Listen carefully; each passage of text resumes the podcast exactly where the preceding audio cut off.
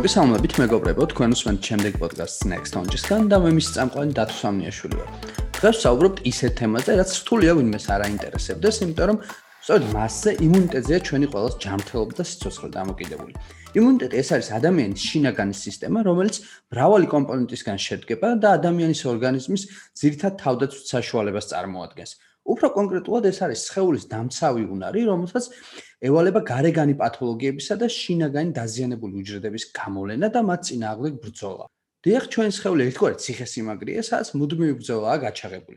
ციხესიმაგრეს პირველი დამცავი ხაზია ჩვენი კანი, რომელიც იგივე გალავანია მტრისგან დასაცავად. თუმცა ინფექცია თუ მაინც მოხვდება ჩვენ ორგანიზმში, აქ უკვე დაცვის მეორე ხაზი, სისხლის უჯრედული ჯარისკაცები გამოდიან ბრძოლის ველზე. და რაც მთავარია, ეს პროცესები ჩვენ სხეულში მუდმივად მიმდინარეობს.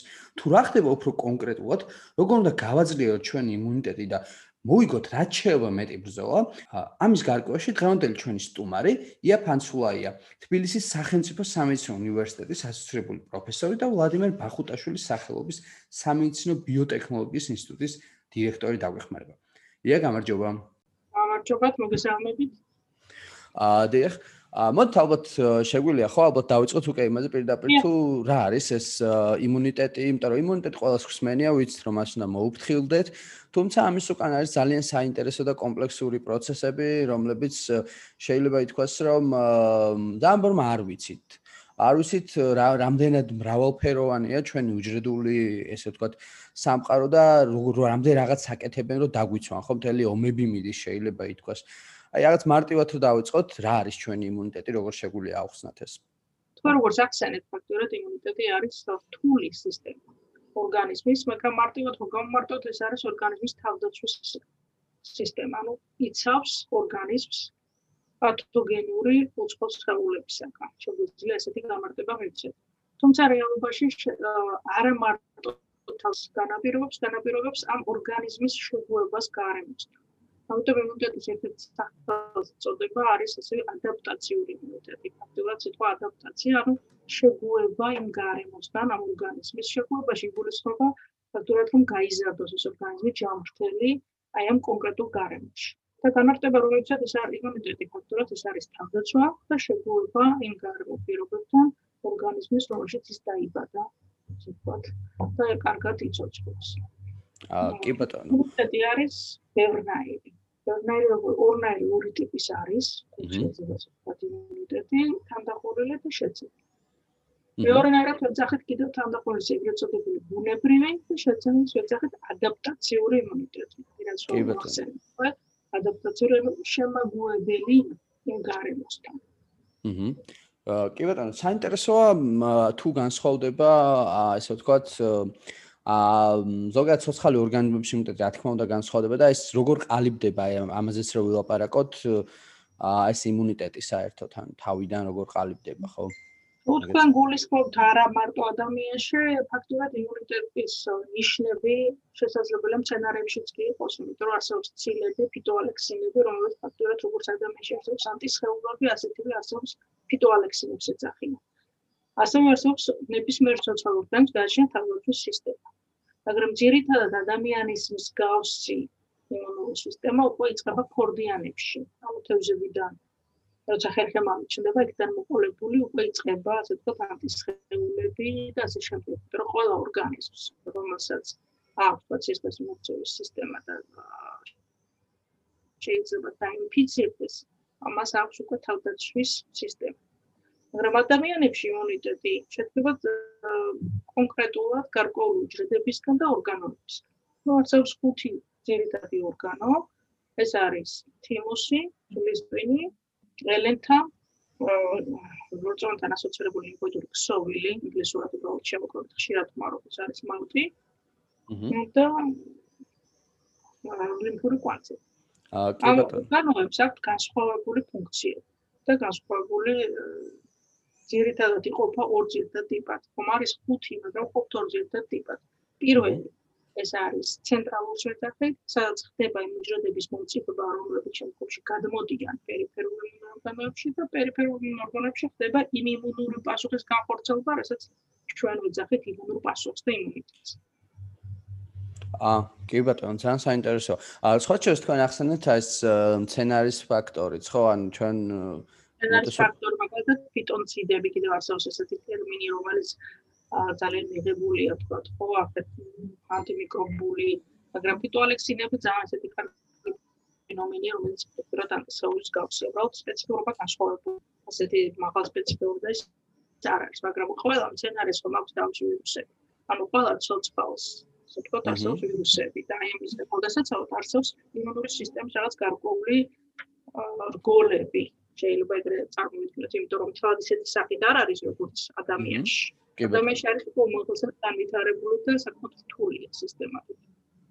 თუმცა ესე იგი ეს ძალიან მნიშვნელოვანი და საინტერესოა რომ გაუსვათ ხაზი ესე ვთქვათ რომ ნებისმიერ სოციალურ ორგანიზმს მათ შორის მცენარეებსაც აქვს თავისი იმუნიტეტი ხო რადგან ნებისმიერ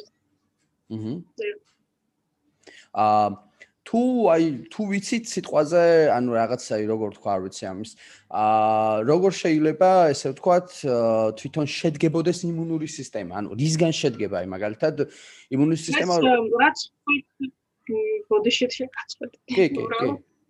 რაც ქვით ეს არის ორგანოები. და თვითონ ამ ორგანოებში შედება უჯრედების მომწიფება როგორც ვიცით რომ იმუნური სისტემის უჯრედებს უწოდებთ. დიახ. აა თანდაყოლი ანუ ჯულის ტვინი არის ის პროტეინი ორგანო ფაქტურად არ წარმოიქმნება ყველა უჯრედი. პროცესის შემოგვაში არსებული ყველა უჯრედი. აჰა. ამ ფაქტურად ეს უჯრედები არის იმუნური სისტემის უჯრედები, ერითროციტების გარდა. აქ არის ლიმფოციტები, არის ლეიკოციტები, რომლებიც შემდეგ იშლება და ნეიტროფილები, ბაზოფილები, ეზინოფილები, არის მაკროფაგები, რომელიც მონოციტური ხაზის არის. და არის ლიმფოციტები. ეს არის ანუ საწყისი არის დროისთვის. ავტომატურად დროისთვის არის ეწოდება ცენტრალური ორგანო, რომელსაც ყველაფერს უკვე დაბადება ხდება. შეგვიძლია ასე ვთქვა და დიფერენცირება. შემდგომში არის თიმუსი, თიმუსში მწიფდება ტელიმფოციტი. თვითონ სიტყვა თიმუსი ადამიანს თიმუსი გამომდინარეობს თიმ ლიმფოსაიტ ამ ინგლისურად ტელიმფოციტი, რომელიც დიფერენცირდება თიმუსში. ედა ლიმფოციტები და ანტისხეულები ეს არის შეძენილი იმუნიტეტი. დანარჩენი რაც შემოთვალე ძალიან ბევრი უჯრედები შეიძლება იყოს პროფილი უჯრედები, ნატურალური კილერები, ასე შემო სხვა სხვა უჯრედები, რომლებიც წიფდებიან ბაქტერიის ტვინში, ისინი არიან თანდაყოლი იმუნური, ანუ ბუნებრივი იმუნური სისტემის დამოკიდებული. აჰა. აა რა სხვა ვარიანტებს? აა დამოკლედ, და მე გავაქცევოთ ჩვეულებრივად თანდაყოლისა და უმრავლეს ყველაზე თავარი სხვა სხვაობა არის ის, რომ თანდაყოლი იმუნური სისტემა შეძენს გასვლოდება მეხსიერება. ანუ თანდაყოლი სისტემას არ გააჩნია წოდებული სპეციფიკური მეხსიერება. რომ შემდგომში როგორც კი შემოიჭრება მეორე ჯერზე იგივე ვირუსი, ანუ ხდება ინფიცირება.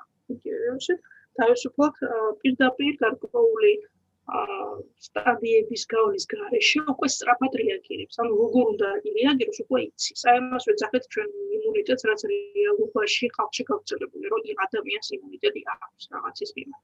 კი ბატონო, და აი ჩემთვის რაც არის საინტერესო ხოლმე რაღაც ანუ როდესაც ამას საუბრობ ხოლმე ზოგჯერ არის მხატვრულადაც ცნია ხოლმე იმ მომენტს თუ როგორ ხდება უშუალოდ როდესაც უცხო ორგანიზმი შემოდის იმუნიტეტი როგორ იწყებს ბრძოლას მასთან. ხო არიან რაღაც სპეციალური უჯრედები რომლებსაც ეგრეთ წოდებულ კვლევ უჯრედებს ეძახიან. არის უჯრედები რომლებიც უჯრედები რომელიც ხატოვნად რო თქვა პირველი მე ყოველთვის ხატოვნად რო აი ბრძოლის პროცესი რო აღწეროთ ძალიან საინტერესო იქნება. ბრძოლის პროცესი როცა აღწერ პირველი აი მაგალითისთვის პირველი ანატომი აი ზოგადი ბრძოლის პროცესი არის ესეთი. ანატომიური ბარიერი არის კანი. აჰა და ანატომიური ბარიერი გარედან კანი და შიგნიდან ლორწოვანი სისტემა ან ლორწოთი ადამიანს ორი მინუს აქვს გარედან კანით არის დაფარული და შიგნიდან არის ლორწოვანი შიგნიდან გულსო ფუფად პირიზღო და გულსო კი ბატონო პირველი ეს არის კანი რომელიც უნდა გადალახოს ეს. პირველი არის კატეგორია გადალახავს კანს მაგრამ მაგალითად ვირუსები გადალახავს ლორწოვანს აჰა ახლა ნახავ როგორ სიტუაცია. პერიფერიაზე არსებობს ლიმფური კვანძები არსებობს ლორწოვანთან ასოცირებული ლიმფოდური ქსოვილი ახეთ მაგალითად შეიძლება იყოს ტონზილები ნაწლავში პერიოდის ფოლაკები და ასე შემდეგ რომელიც განთავსდებიან იმისთვის, რომ ესენი იცავენ ანატომიური ბარიერის მერე გადალახოს შედეგად აი ამ ადგილებში პერიფერულ პროგრამებში არის უკვე ჩვენი ტედაბელი ლიმფოციტები. აჰა. რომლებიც აი აქ ხდება იმ პასუხის განხორციელება, ნიშნავს რომ აქ ხდება განხორციელება, აქ ხდება წარდგენა, აქ ხდება ანტისხეულების სინთეზი, რომელიც ან გააქტიურება თქვა ციტოქსინურჟედებს, უკვალიურჟედებს, რომელიც შემდგომში გადადიან იმ ადგილას, სადაც ეს პროცესი დაიწყო, სადაც მოხდა შეჭრა. აჰა. ეხლა რომ წავიდეთ აი ძალიან მარტივი სურათი, შესაძლებელია თქვა დაიხვა კანის ბარიერი. კი ბატონო. და მოხდა კანის ბარიერზე ბაქტერია. ну ახლა ჩვენ კიდევ ერთი ნიუანსიც უნდა გავითვალისწინოთ, შეიძლება ძალიან ერთ საათში ნამდვილად ვერ ჩავიტევით, მაგრამ ზოგადად ესე რომ ვთქვათ, გავითვალისწინოთ ერთი რაღაც სტრატეგიულად არსებობს ორი ტიპის დაზიანება ორგანიზმისთვის. ერთი, როცა დამაზიანებელი ადგილი თვითონ მრავლდება ჩვენი უჯრედის გარეთ და მეორე, როცა დაზიანება, ანუ ეს დამაზიანებელი ვირუსი, მაგალითად, ანუ უჯრედში და ბაქტერია შედის ჩვენსავე უჯრედში და იმუნური სისტემისთვის არის ერთ- ერთი გზა დარჩენილი გაანადგუროს ჩვენი უჯრედი. ანუ სხვა უჯრედი კი არის ჩვენი დაინფიცირებული უჯრედი, ანუ დაზიანებული უჯრედი გამოდის. ამიტომ იმუნური სისტემისთვის არის ორი სტრატეგიული გზა, ძირითადად. თუმცა ძალიან ბევრი მექანიზმია და ძალიან რო ჩავშლით, ძალიან ბევრი ნიუანსებია. უბრალოდ არის სტრატეგიულად ორი. ერთი, როცა იბრძვის სხვას, ანუ ბაქტერიას, რომელიც არის ჩვენი უჯრედის გარეთ, და მეორე, როცა იბრძვის ვირუსით ინფიცირებულ მაგალითად უჯრედს. ჩვენსავე საკუთარ უჯრედს. კი ბატონო, ანუ ერთი არის, როდესაც თვითონ უშუალოდ ობიექტ, ანუ რაღაც შემოსულ მას ვებძვით და მეორე, როდესაც შემოსულ მაგალითად ბაქტერიას ებრძვის, მაგალითად სტრეპტოკოკს ებრძვის, ან რაღაცა სტაფილოკოკს. ბაქტერიას, რომელიც ჩვენ საფუძვლებში არ არის შეჭრილი, უბრალოდ ეს სტრეპტოკოკი მაგალითად შემოდის ჩვენ ორგანიზმში და იწყებს გამრავლებას და გამრავლების შედეგად წამფრის ტოქსინებს. და ეს ტოქსინები ჩვენს უჯრედებს აზიანებს. და აი ამას ებრძვის ჩვენი იმუნური სისტემა, ისე რომ ანადგურებს ისე, რომ ჩვენს უჯრედებს საერთოდ არ ეხება. აჰა. ამიტომ სტრატეგიულად ახლა რომ აღწეროთ, მაგალითად, კარი დაზიანდა შეჭრა ბაქტერია, ხო? და კანის შედეგად ინფიცირება, რა ხდება? კამფეში არსებობს ეგრეთ წოდებული აა, თანდაყოლი იმუნიტეტის უჯრედები, რომლებიც ახორციელებს ფაგოციტოს, ერთ-ერთი არის დენდრიტული უჯრედების ერთ-ერთი წარმომადგენელი, ან მაკროფაგები, ქსოვილარი მაკროფაგები, ორივე ახორციელებს ფაგოციტოს, შთანთქავს ამ შეჭრილ, თქვათ, პათოგენს, როგორც არის ის პირველ რიგში, ახდენს მის ფაგოციტირებას, თუ მოინელა, ანუ მაგალითისთვის რომ თქვა თქვენ კანი გაგიჭრიებოდეს, მე გინახიათ, პირველად ვითარდება ანტიბიოტი რეაქცია, სიწითლე, შეშუპება, თქვა და მე როცა ჩაწყდება, თუ ეს ძალიან პატარა განაკაცრია, ანუ ამ შემთხვევაში შეძენილი იმუნიტეტი არ გააქტიურდება. საკმარისი არის, რა ვთქვი, მაკროფაგმა შთანთქა, ფაგოციტოზი მოახდინა, ნეიტროფილები გადმოვიდა, თქვა სისხლიდან შეშუპება მოხდა პლაზმიდან კომპლემენტის სისტემა გადმოვიდა, ჩართუათებითი რეაქცია აღადგინეს დაზიანებული ადგილი და დამთავრდა. ანუ არ მოხდა, ასე ვთქვათ, იმუნიზირება. ანუ მეხსიერებაში არ შეჭრეს ყველაფერი, იმიტომ რომ იყო მცირე დაზიანება. მაგრამ თუ არის ისეთი, რომ დაზიანება საკმარისი რა ბაქტერიების რაოდენობა ფუძზე მეტია, რაც აკეთებს ჩვენი იმუნური სისტემა. მაკროფაგები უკვე წაიღებენ, ანუ სადაც ასე ვთქვათ, იწყებენ სპეციალური ციტოკინების სინთეზს და იმის დამიხედვით, რაც ვახსენე. ზემოთ რომ როგორი ტიპის არის დაზიანება, ამას სპეციალური რეცეპტორებით გამოიცნობა, წაიღებენ პერიფერულ ორგანოებში და იქ წარუდგენენ ტელიმფოციტებს. ტელიმფოციტები არის თავარი ეძახიან ხოლმე ინგლისურ ლიტერატურაში როგორც დირიჟორები ორკესტრის.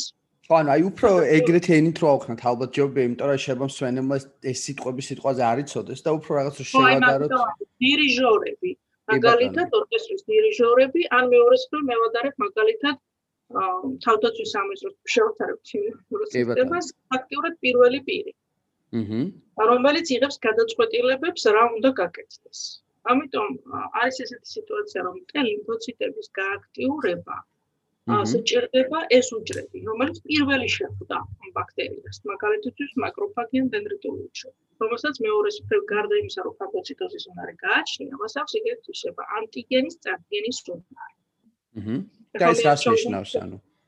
აი ეს ნიშნავს იმას, რომ იქ ფაგოციტოზის გზით, როცა ბაქტერია გაანადგურა, იქედან გარკვეული ბაქტერიას ხომ აქვს ეს ხო მართალია არის უკარეტული უჯრედი, პროკარიოტია, მაგრამ მას უგააჩნია თავისი დნმ, გააჩნია თავისი ცილა, გააჩნია თავისი სტრუქტურა, მემბრანული, ხო?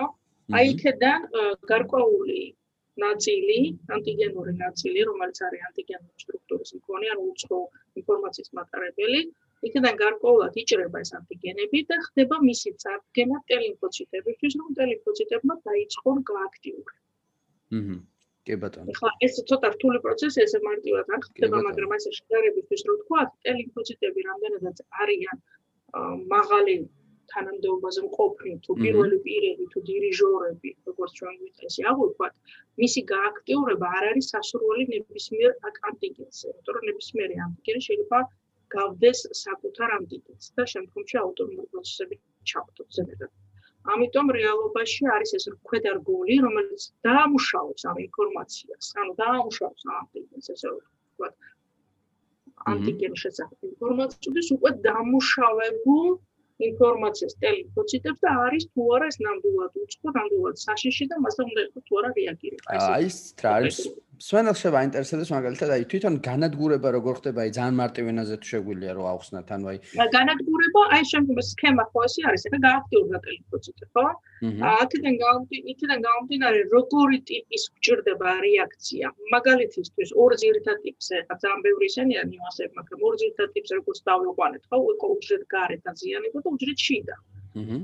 თუ ჩვენ გვაქვს ისეთი დაზიანება, რომ ანტისხეულები გჭირდება, ანუ ეს არის უჯრედ გარეთ ანტისხეულები ძალიან კარგად ანეიტრალებენ აი ამ ცილებს და ხელს უშლიან შემდგომში ბაქტერიების ან ინვაზიას ან ტოქსინების წარმოქმნას და ასე შემდეგ ამ შემთხვევაში ტელიმფოციტი ახდენს. ბელიმფოციტის გააქტიურებას და ბელიმფოციტი უკვე გარდაიქმნება ისეთ უჯრედად როგორც ასინთეზებს ანტისხეულებს ეს ერთი. და ანტისხეულების სისხლის იმოქცევის სისტემით გადმოდიან თქვათ იმ კერაში სადაც ეს დაზიანება დაიწყო რომელსაც ვეძახით ანტიბის კერას აჰა იხდით აი რაზე საუბარი. კი, კი, და უბრალოდ აი როგორ გადმოსვლის შემდეგ რა ხდება, ანუ აი წარმოვიდგინოთ რაღაც რომ გავაპირონულოთ. ხო, აი ეს ანტისხეულები რო გადმოდიან, ანტისხეულები შემდგომში უკავშირდებიან, თქვა, ამ ბაქტერიის ზედაპირზე არსებულ ანტიგენს და მას ანეიტრალებენ. სიტყვა განეიტრალება ნიშნავს იმას, რომ რახან ეს ანტიგენი ანტისხეულს და უკანტისხეულს დაუკავშირდება ანტიგენს, ეს ანტიგენი უკვე ვეღარ დაუკავშირდება ვერ ჩვენ, შეს და ვეღარც გამრავლდება. აჰა. ავტომატურად ირთვება ის მექანიზმები, რომლებიც მას მოაცილებენ ცირკულაციიდან. აჰა. ანუ დაიღუპება ეს ბაქტერია, განეიტრალდება. ბაქტერია როცა მრავლდება, სინთეზირებს ტოქსინს და ტოქსინის განეიტრალება ერთადერთი ხდება ანტისხეულები. სხვათა შორის ეს ძალიან მარტივი მაგალითი არის სტაფილოკოკური ინფექცია, როცა ვითარდება და ეს ტოქსინები ძალიან დიდი რაოდენობით წარმოიქმნებიან, ერთადერთი ყველაზე კარგი გზა მისი კურნალობის არის ანტისხეულების ინტრავენური ანტისხეულების გადასხმა, რომელიც უშუალოდ უკავშირდება ამ ტოქსინებს. უბრალოდ აღარ აძლევს ახალებას, რომ სხვას დაუკავშირდეს, შემდეგ ხდება ცირკულაციიდან მისი მოშორება კომპონენტის საშუალებით. ეს არის ერთი. ახლა მეორე, რაც თქვით მეორე სტრატეგიული, ასე ვთქვათ, არის ვირუსული დაზიანება. ამ შემთხვევაში ვირუსი დაზიანებული არის ჩვენი უჯრედი. აჰა. და ხდება ამ დროს. ამ დროს ტელინფოციტი გააქტიურდა, ურება, რომელიც ჩვენივე უჯრედია, მაგრამ დაზიანებული შიგნიდან, იმიტომ რომ ის არის წყარო ვირუსის. კი. ძალიან მოკლედ რო შევაჯამოთ, სხვა სქემით მოქმედებს ორი ძირითადი მართლობებს: ანტისხეულების სინთეზი და კოლეელი უჯრედების გააქტიურება. აჰა. კი ბატონო, და ამ ბრძოლაში ძალიან ბევრი უჯრედი თვითონ იღუპება, ხო? თუმცა ამას ჩვენი ორგანიზმი მუდმივად აწარმოებს ამ დამცავ უჯრედებს, ხო, იმუნიტეტის მხრივ, ანუ თვითონ რა თქმა უნდა სიცოცხლის ხანგრძლივობა გააჩნია, მაგრამ მუდმივად აწარმოებს, მუდმივად ხდება მისი დიფერენცირება გადადის პერიფერიაზე, როგორც უკვე თქვი. და კიდევ ერთი ნიუანსი, მეხსიერების უჯრედებად გარდაიქმნებენ, რაც ძალიან მნიშვნელოვანია ჩვენთვის. აჰა. კი ბატონო. აა თვითონ როდესაც სიტყვაზე ის არის საინტერესო რა რა დროს ხდება, როდესაც ჩვენს ორგანიზმში შემოსული, ესე ვთქვათ, მიკრობები უპირატესობას მიიღებენ და იმარჯვებენ ხო რაღაც დონეზე ან როდესაც უჭირს ჩვენს იმუნიტეტს აი ეს რა რა დროს ხდება ეს? თუ საუბრობთ სიტყვაზე ჯანმრთელ იმუნიტეტზე. აა სწორი კითხვა. ჩვენ იმუნიტეტს ანუ ჩვენ როცა კლინიკურად უკვე ზოგიერთ ადამიანს ძალიან ბევრ ფაქტორზე დამოკიდებული იმუნური სისტემის მოქმედება. რა თქმა უნდა დამოკიდებული არის გარკვეულწილად ვთქვათ ასაკზე მაგრამ უმეტესწილად გენეტიკაზეც ანუ იმუნური სისტემა როგორი გვაქვს გენეტიკურად ინდივიდუალურია. ხო? აა ზოგიერთის ძალიან ძლიერია, ზოგიერთის ვერ არის ესეთი ძლიერი და პლუს ამას დამოკიდებული არის იმაზე ვირუსით ინფიცირების საწყის დოზაზე. იმუნური პასუხი არის დოზა დამოკიდებული. აჰა. თუ აქ ერთი ნიუანსია, არ მინდა რომ ძალიან ხარბად ჩავიდე, მაგრამ ერთი ნიუანსია თითოეული უჯრედი, რომელიც თითოეული უჯრედი გამოიწვევს თითო სპეციფიკურობას. ანუ ეს იმას ნიშნავს, რომ ძალიან სპეციფიკური სისტემა ეს ნიშნავს, რომ აი მაგალითისთვის ნებისმიერ ვირუსს რო ავიღოთ, თუნდაც ეს კორონავირუსი და გააჩნია რაღაც გარკვეული ცილა, ხო, ანტიგენი. ცილა. მის მიმართ ჩვენ ორგანიზმში, რა თქმა უნდა, გაგვაჩნია ტერმოფიციტი, რომელიც მას გამოიწვევს. კი ბატონო. მაგრამ ეს პირველ რიგში გვჭირდება, რომ გამრავლდეს. ანუ არ გაგვაჩნია რაღაცა დიდი ოდენობით პირველ ეტაპზე. საჭირო არის ამ ლიმფოციტის გამრავლება, გააქტიურებას მოყვება იმ სპეციფიკურობის ლიმფოციტების გამრავლება, რომლის მიმართაც რომ გარკვეული ვირუსის მიმართ, მაგალითად, კორონას საწინააღმდეგო ლიმფოციტები, ესე რომ ვთქვათ. აჰა. და ამას ხო დრო ჭირდება. აჰა. აი სწორედ ამაში ჩამორჩება თუ ადამიანი თავიდანვე ძალიან მაღალი დოზით იქნა ინფიცირებული. აჰა. მას ჭირდება იმუნურ სისტემას ჭირდება ასე ვთქვათ ახმარება არ არის ეს, მაგრამ დრო ჭირდება. აი, ეხლა შეკითხვა გამიშდა ესე იგი, ანუ საუბარი არის იმაზე, რა დონეზე არის ადამიანი ინფიცირებული? ანუ მაგალითად თუ არის რაღაც ერთი და იგივე ვირუსი, სიტყვაზე შეიძლება ადამიანი ამ ვირუსით უფრო მასშტაბურად იყოს ინფიცირებული და ამ შემთხვევაში უჭირს იმუნიტეტს, შეიძლება ნაკლებად იყოს ინფიცირებული. ხო, რაღაც ისეთ იმაზე საუბრობთ? აი, იცით როგორ არის? მაგალითად თქვენ ხართ აი, რომ მე ვზივა ცალ-ცალკე, ერთმანეთთან არანაირი შეხება არ აქვს და ვსივართ ჩვენთვის, ხო? ანუ ჩვენთან ჩემთან მე თქვენ ვირუსის რაოდენობა არ არის, მაგრამ ჩვენ თუ ვართ ექიმი და სპეციალურად ფოქში ვართ, სადაც ან სადღაც ისეთ დაწესებულებაში, რომ ავადმყოფი გვისის. აჰა. პირდაპირ. აჰა. ის აფქოს თქვა დიდი, არა ეს არ ეხება კონკრეტულად რომელიმე ვირუსნების მიერ სიტუაციაში. ის თქვა დიდი რაოდენობით ბაქტერიას აფქოს, მე ჩავისუნთქე თავიდანვე დიდი რაოდენობით. აი ამას ვიმუშავე. და დოზა დამოკიდებულია. თუ მე ჩავისუნთქე თავიდან ცოტა რაოდენობით, ის სანამ მოასრებს გამრავლებას და საერთოდ იმუნურ სისტემაში უჯრედები გარკვეულ ხედავე იმ ანტიგენებს, თუმცა გარკვეულ ზურგს აღწევს. მანამდე ის ვერ ხედავს. ბაქტერიებსაც ჭირდება რაღაც ახლა ერთ ბაქტერიას და ორ ბაქტერიას ის ვერ დაინახავს. დაჭirdება რაღაცა ზღურგულზე ასვა, ანუ გამრავლების შემდეგ რაღაცა რაოდენობის მიღწევა ჩემს ორგანიზმში. მაგრამ წარმოიდგინეთ, რომ თუ თავიდანვე ძალიან ბევრი ჩავისუდგე, ის ბაქტერიები ძალიან სწრაფად გამრავლდებიან. აჰა. კი ბატონო, ა და უკვე უკვე ვეღარ ეწევა იმუნური სისტემა, ანუ თავდასხმა უფრო სწრაფია. ეწევა, მაგრამ დაავადება ვლინდება კლინიკურად, შეიძლება გამოვლინდეს ძალიან ისეთი, რომ უფრო არ იქნება უფრო სუბუქი, თავიდანვე თუ კი იმუნური სისტემა დაასწრებს უფრო სწრაფად გამრავლება, ყოფდებით რომ უფრო ნაკლები იქნება კლინიკური სურათი. ანუ უფრო სუპერფი იქნება კლინიკური სურათი. და როცა ის ვერ დაეწევა უკვე ამ სიჩქარეში, მაშინ არის რომ იმ მაგრამ აი დააკვირდით დაავადება. გრიპის ვირუსი რო ავიღოთ 3 და 5 დღემდეა ნორმალურ სიტუაციაში თქვა. აი 3-5 დღე ჭირდება იმუნურ სისტემას რომ ის წონასწორობა აღადგინოს და შემდგომში თავისით ხდება ნორმალურ სიტუაციაში უკვე მიმართულებით უკვე ადამიანი გამოიკვეთება თავის. კი ბატონო. ანუ ესე იგი 5 დღე შეგვიძლია ვთქვათ რომ ჭირდება ამ პროცესისთვის რომ იმუნიტეტმა ესე ვთქვათ ანუ ეს შემოჭრილი მტერი ესე ვთქვათ ნელა განდევნოს და ყველაფერი გაასუფთავოს ხო რაღაც ანუ როგორი სიტუაცია იცი ჯერ ხომ უნდა გაიცნოს ვინ არის. აჰა აი ძალიან საინტერესო და მაგარი პროცესებია ზოგადად ანუ ძალიან საინტერესო პროცესებია და დაართულ ახლა ნახეთ რომ შემოიჭრა ვიღაც ესე რომ თქვა მტერი. ნამდვილად მტერი თუ არა, არის თუ არა, ხო ჭირდება გამოცნობა. ეს მთელი რეცეპტორული განდური სისტემა, ანუ რეცეპტორი და უკავშირდება აი ტვინესი არ არის ჩართული ჩვენ საუბრობთ. კი ბატონო. ეს სიგნალების გადაცემა ზუსტად ესე უჟრედებსა.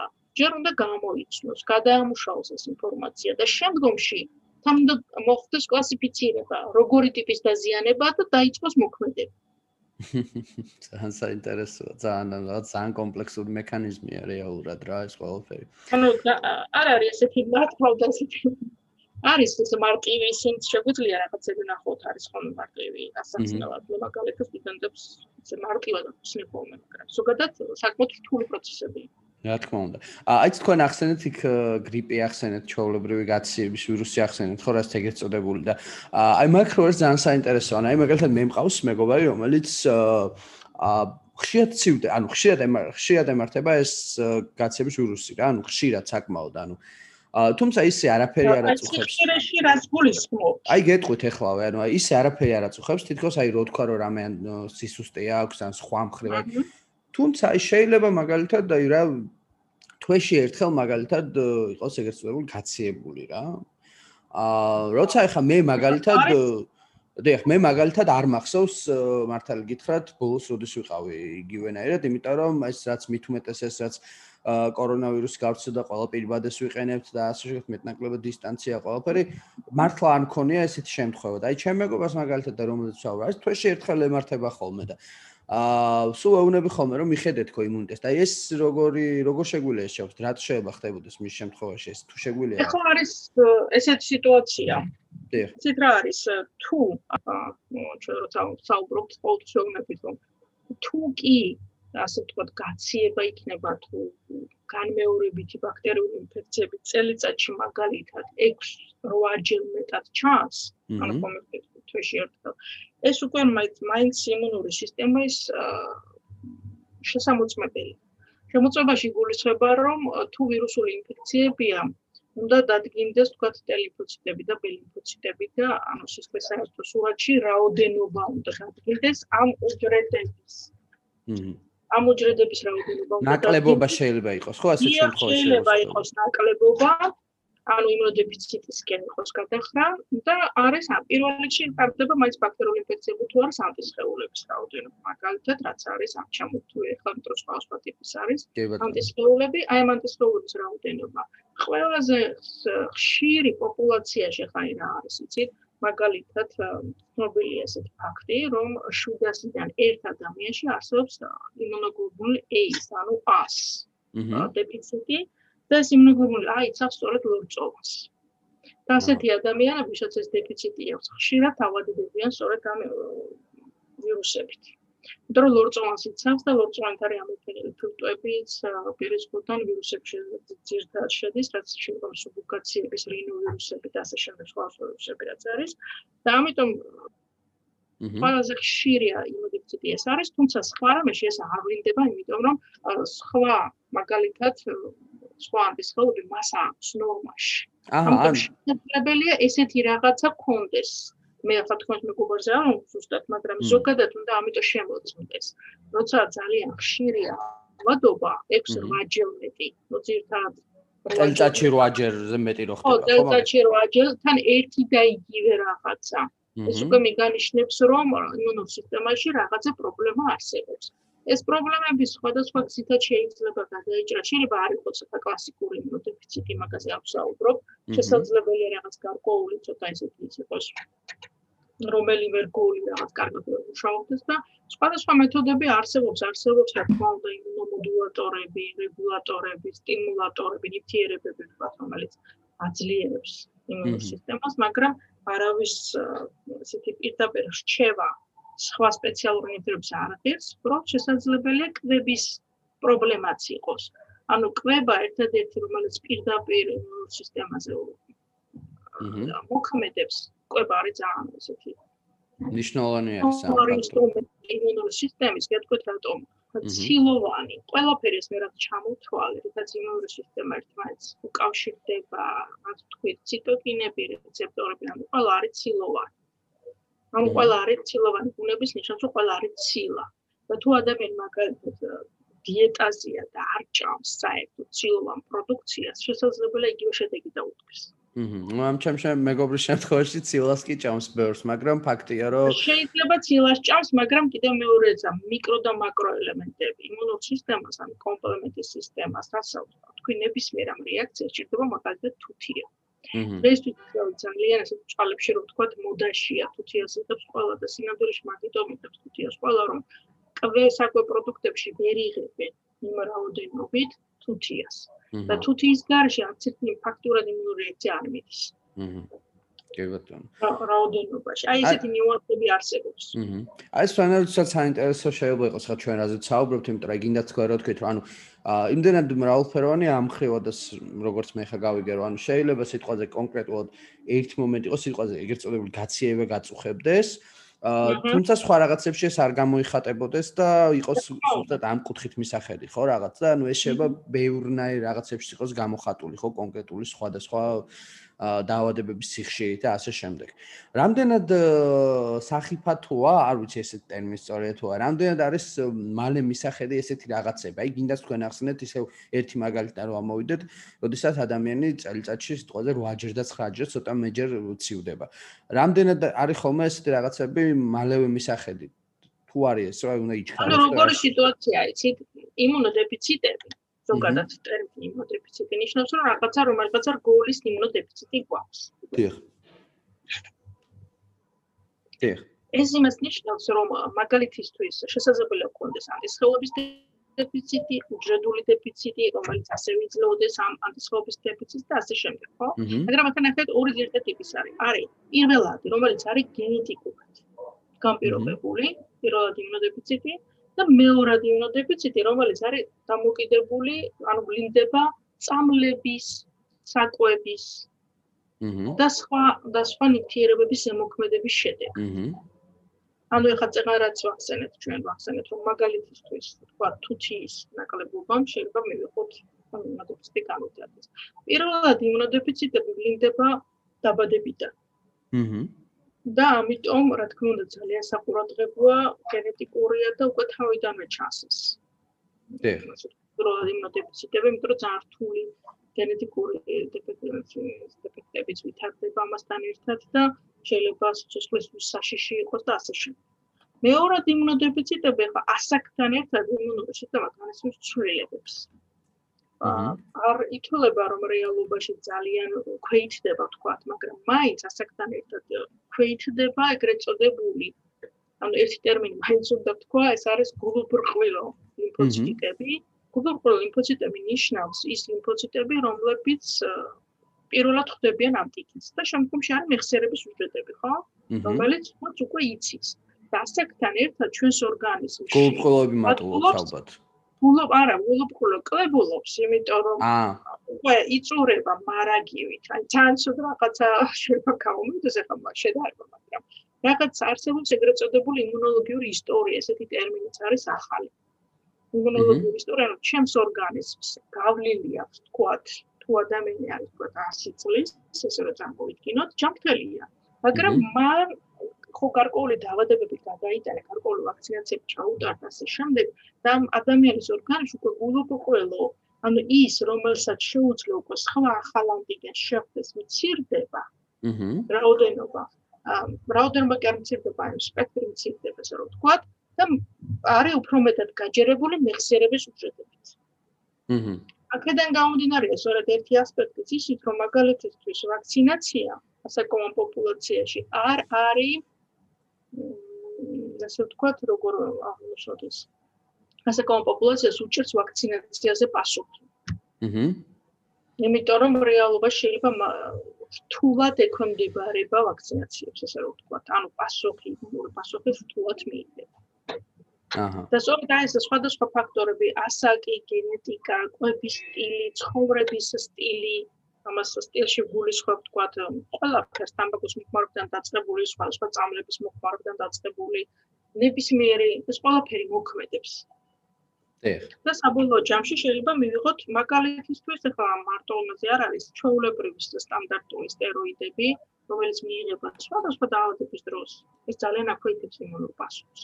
აჰა კი ბატონო. და ამიტომ ვითარდება ეგრეთ წოდებული მეორადი იმუნოდეფიციტი. აჰა აი თქვენ ახსენეთ ხო ყვების ფაქტორი თამბაქოც ახსენეთ ხო და როგორ არის ანუ აი რა შეგვიძლია თქვა ამ ხრივ გივე ყვებაზე კონკრეტულად თუ არის რამე ისეთი საკვები კიდე რაც უშუალოდ არის დაკავშირებული რომ მისი ჭარბად მოხმარება შეიძლება იყოს იმუნიტეტს აზიანებდეს. ან თამბაქოს ფაქტორის შეგვიძლია ცოტა ჩავშალოთ რამდენად მავნებელია ის იგივე ალკოჰოლის ფაქტორიც. მე ვიცი რომ ერთ-ერთი საერთო ჯამში საბოლოო ჯამში და პრინციპში იმას მავნებელი არის ალბათ ყველაფერი რაც არის არაზომიერი. აჰა თუმცა აი ვიცი რომ ძილის ფაქტორია კი ძალიან მნიშვნელოვანი იმუნიტეტისთვის ხო? უნდა ეს ძილის ფაქტორი რატომ არის მნიშვნელოვანი ცი ძილის ფაქტორი არის დამოკიდებული თუ ადამიანი უძილოა მე სტრესი ვითარდება სტრესის დროს წარმოიქმნება ჩვენივე ორგანიზმში არსებული სტეროიდი რომელიც გუნავს იმუნურ პასუხს. აი მანდა ერთ მაგალითს გეტყვით, რომელიც ძალიან საინტერესოა და ყოველ შაბათ გასაგები იქნება.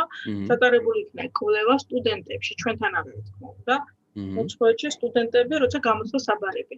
აი პერიოდში. აჰა. სულ იმუნიტეტი ქონდათ ალბათ.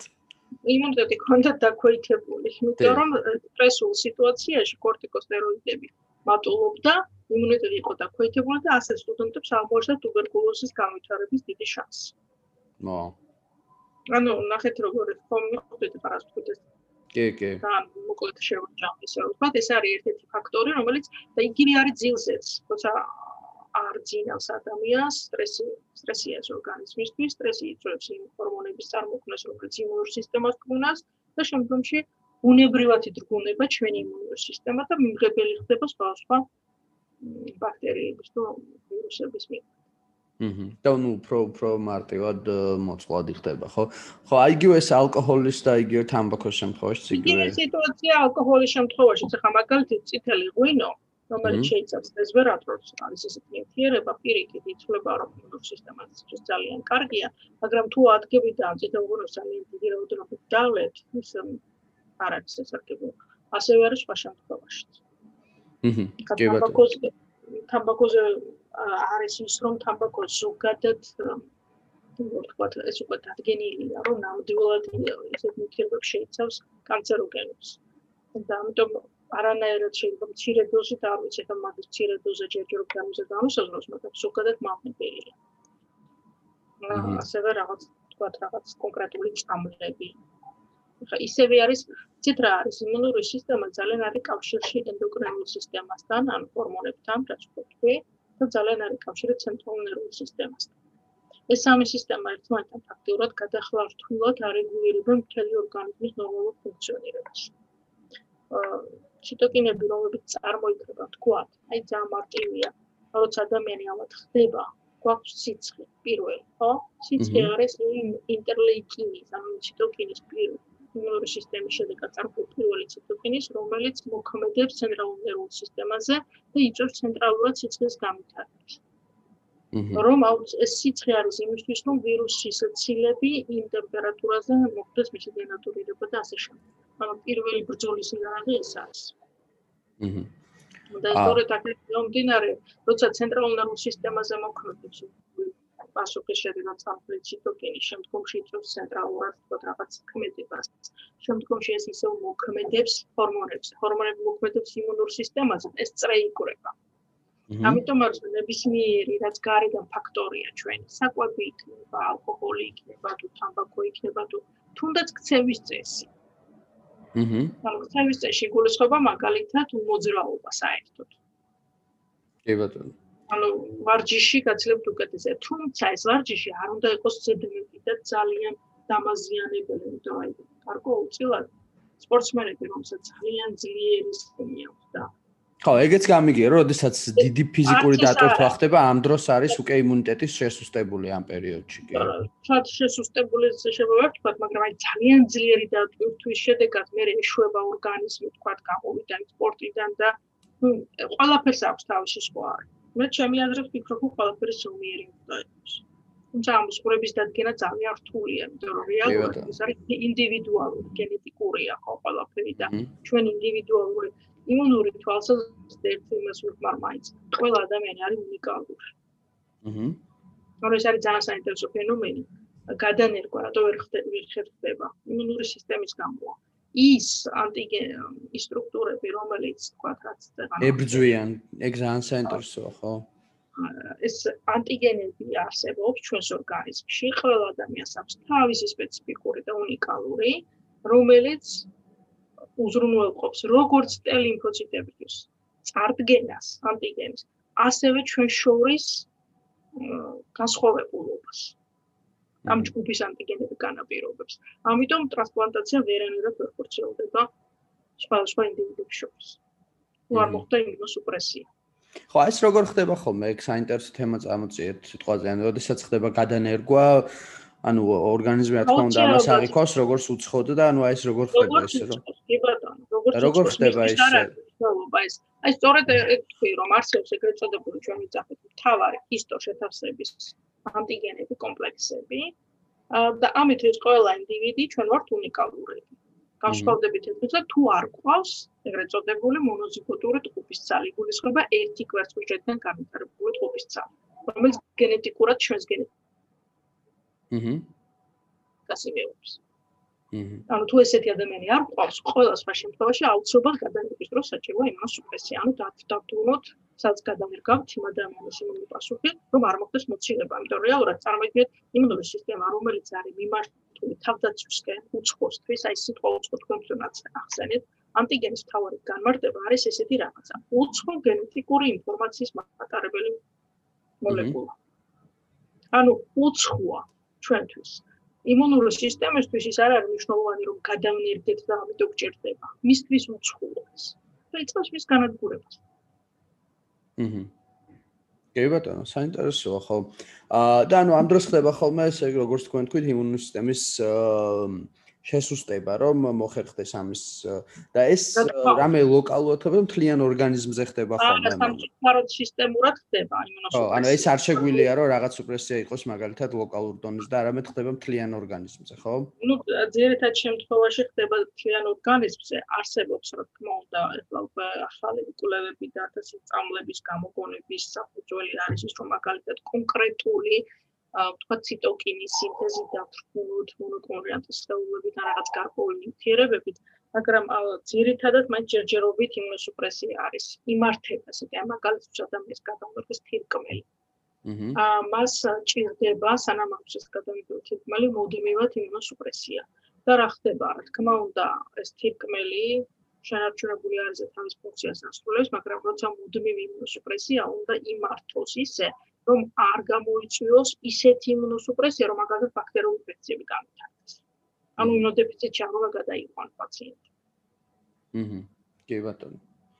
საინტერესო. და მუდმივი კონტროლის ქვეშ უნდა ყავდეს, რომ არ გამიტარდეს მაგალითად სიმსივნე ან რაღაც კიდე. ხო, აი სიმსივნის ფაქტორი ახსენეთ სხვა ჩვენს ხა, მაგრამ აა სუპრესიაზე საუბრობთ, ეგეც მინდოდა მეხსენებინ, ანუ ამ ხრივ რა ხდება, როდესაც აა აი ვიცით რომ ქიმიოთერაპიის დროს როგორ ხდება ხოლმე? ხო იგივე არ არის ანუ ამ შემთხვევაში რაღაცას იმუნური სისტემის ქიმიოთერაპიის ანუ ნახეთ სიმსივნე რა არის?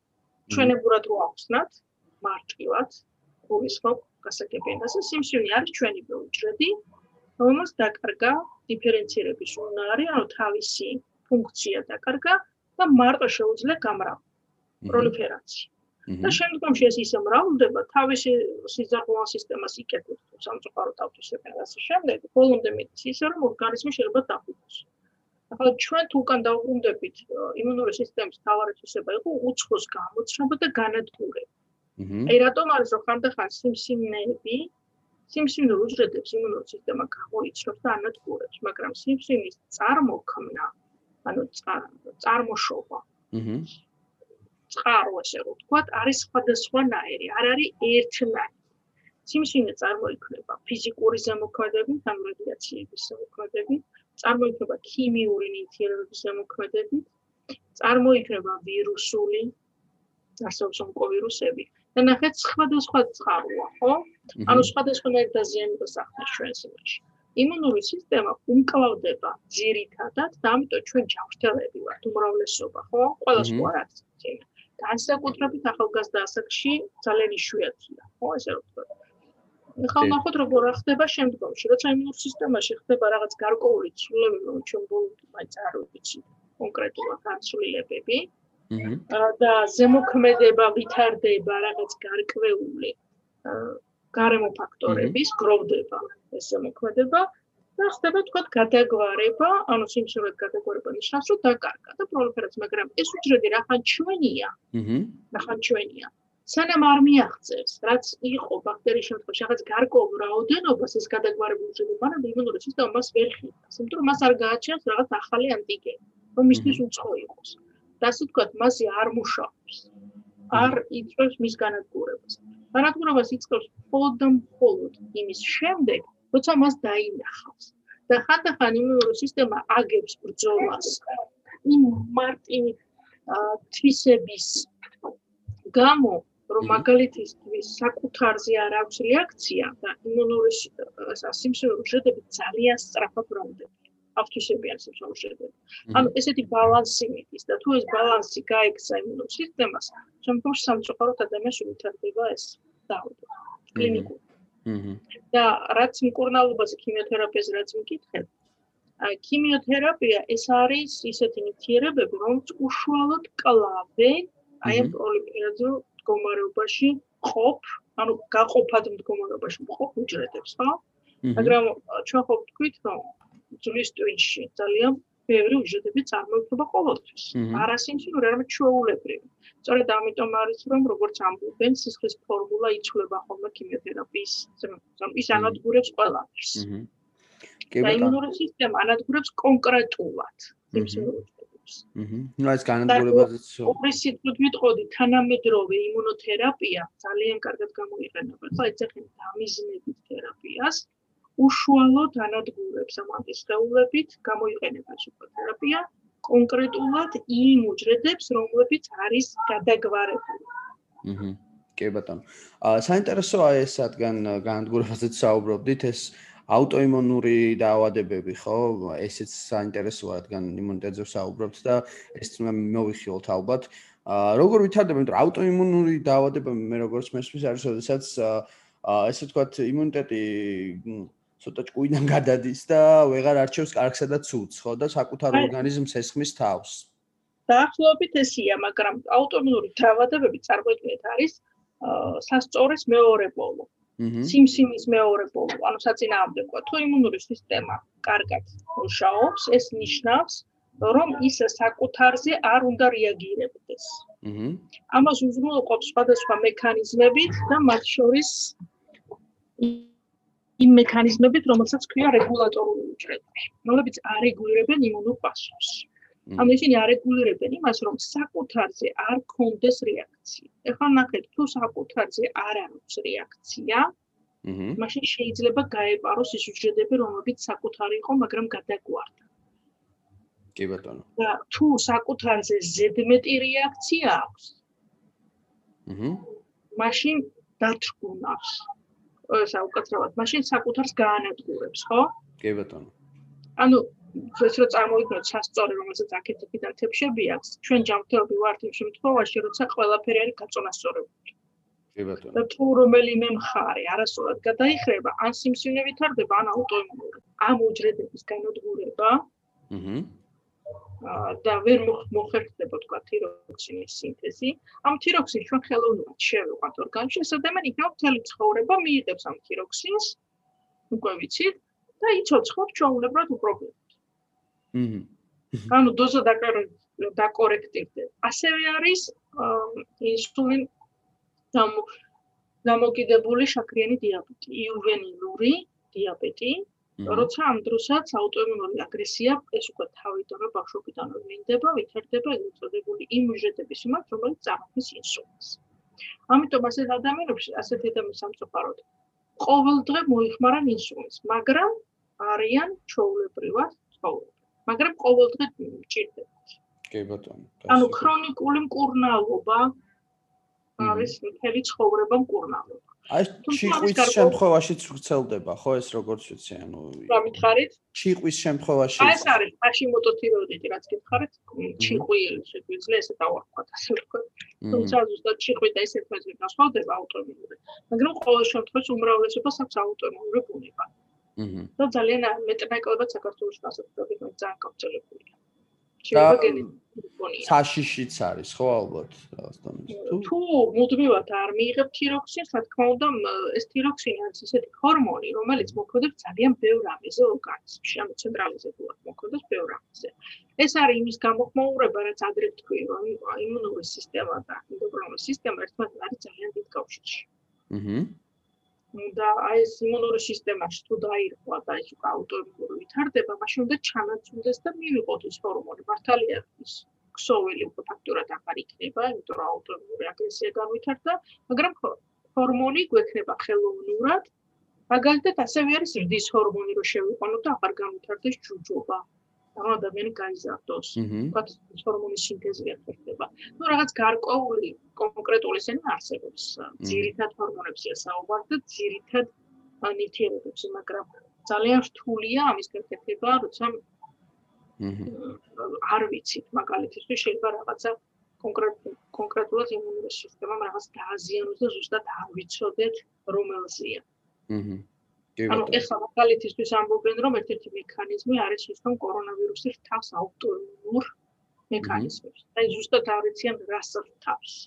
ხო, ეს კორონავირუსის თემაც რომ მიმოვიხილოთ, ასეც ალბათ საინტერესოა ძალიან. ანუ ამ ხრივ როგორ ხდება, ანუ აა რამდენად დაუცველია ჩვენი იმუნური სისტემა ამ ვირუსის მიმართ და რა შემთხვევაში ხდება, როდესაც უფრო დაუცველი არის, ხო, ზოგადად არის შემთხვევები, როდესაც ადამიანები მარტივად უკოლდებიან, ანუ ამ შემთხვევაში შეგვიძლია ვთქვათ, რომ მათი იმუნური სისტემა უფრო ბევრად მარტივად იშორებს ამ ვირუსს და ვიღაცების შემთხვევაში არის და ძალიან რთულდება. ხო, აი ესეც რო გავშალოთ, ძალიან საინტერესოა.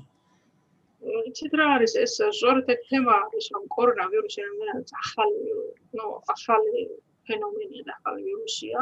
სწორედ ეს არის ის, რომ იმუნური სისტემა ძირითადად ნუ 80% ყოველ შემთხვევაში მაინც უკავდება, ხო? 80% ყველანაირად უკავდება, ეს იგი სუბუქი ფორმები და ცოტა გაფორმებული არა, ესეთი ძიმე ფორმებს არ გულისხმობ. საშუალო ფორმები 80%, 20%-დან 5% არის შემთხვევაში კრიტიკულად განიხილება, ძიმედ რო განიხილება და კრიტიკულად და შემდგომში კრიტიკულში სამ საკმაოდ დიდი პროცენტი ადამიანის იმუნური სისტემა უკავდება. დევანდალი ბოლო მონაცემები არის ყველაფერი რომ საერთოდ შეიძლება ეს იმუნიტეტი დატოვოს, თქო რომ სამუდამო იმუნიტეტი ქონდეს, როგორც არის მაგალითად თუციტელას, ციტურას, აი ბავშვობაში აქცებს რო ვიკეთებდნენ.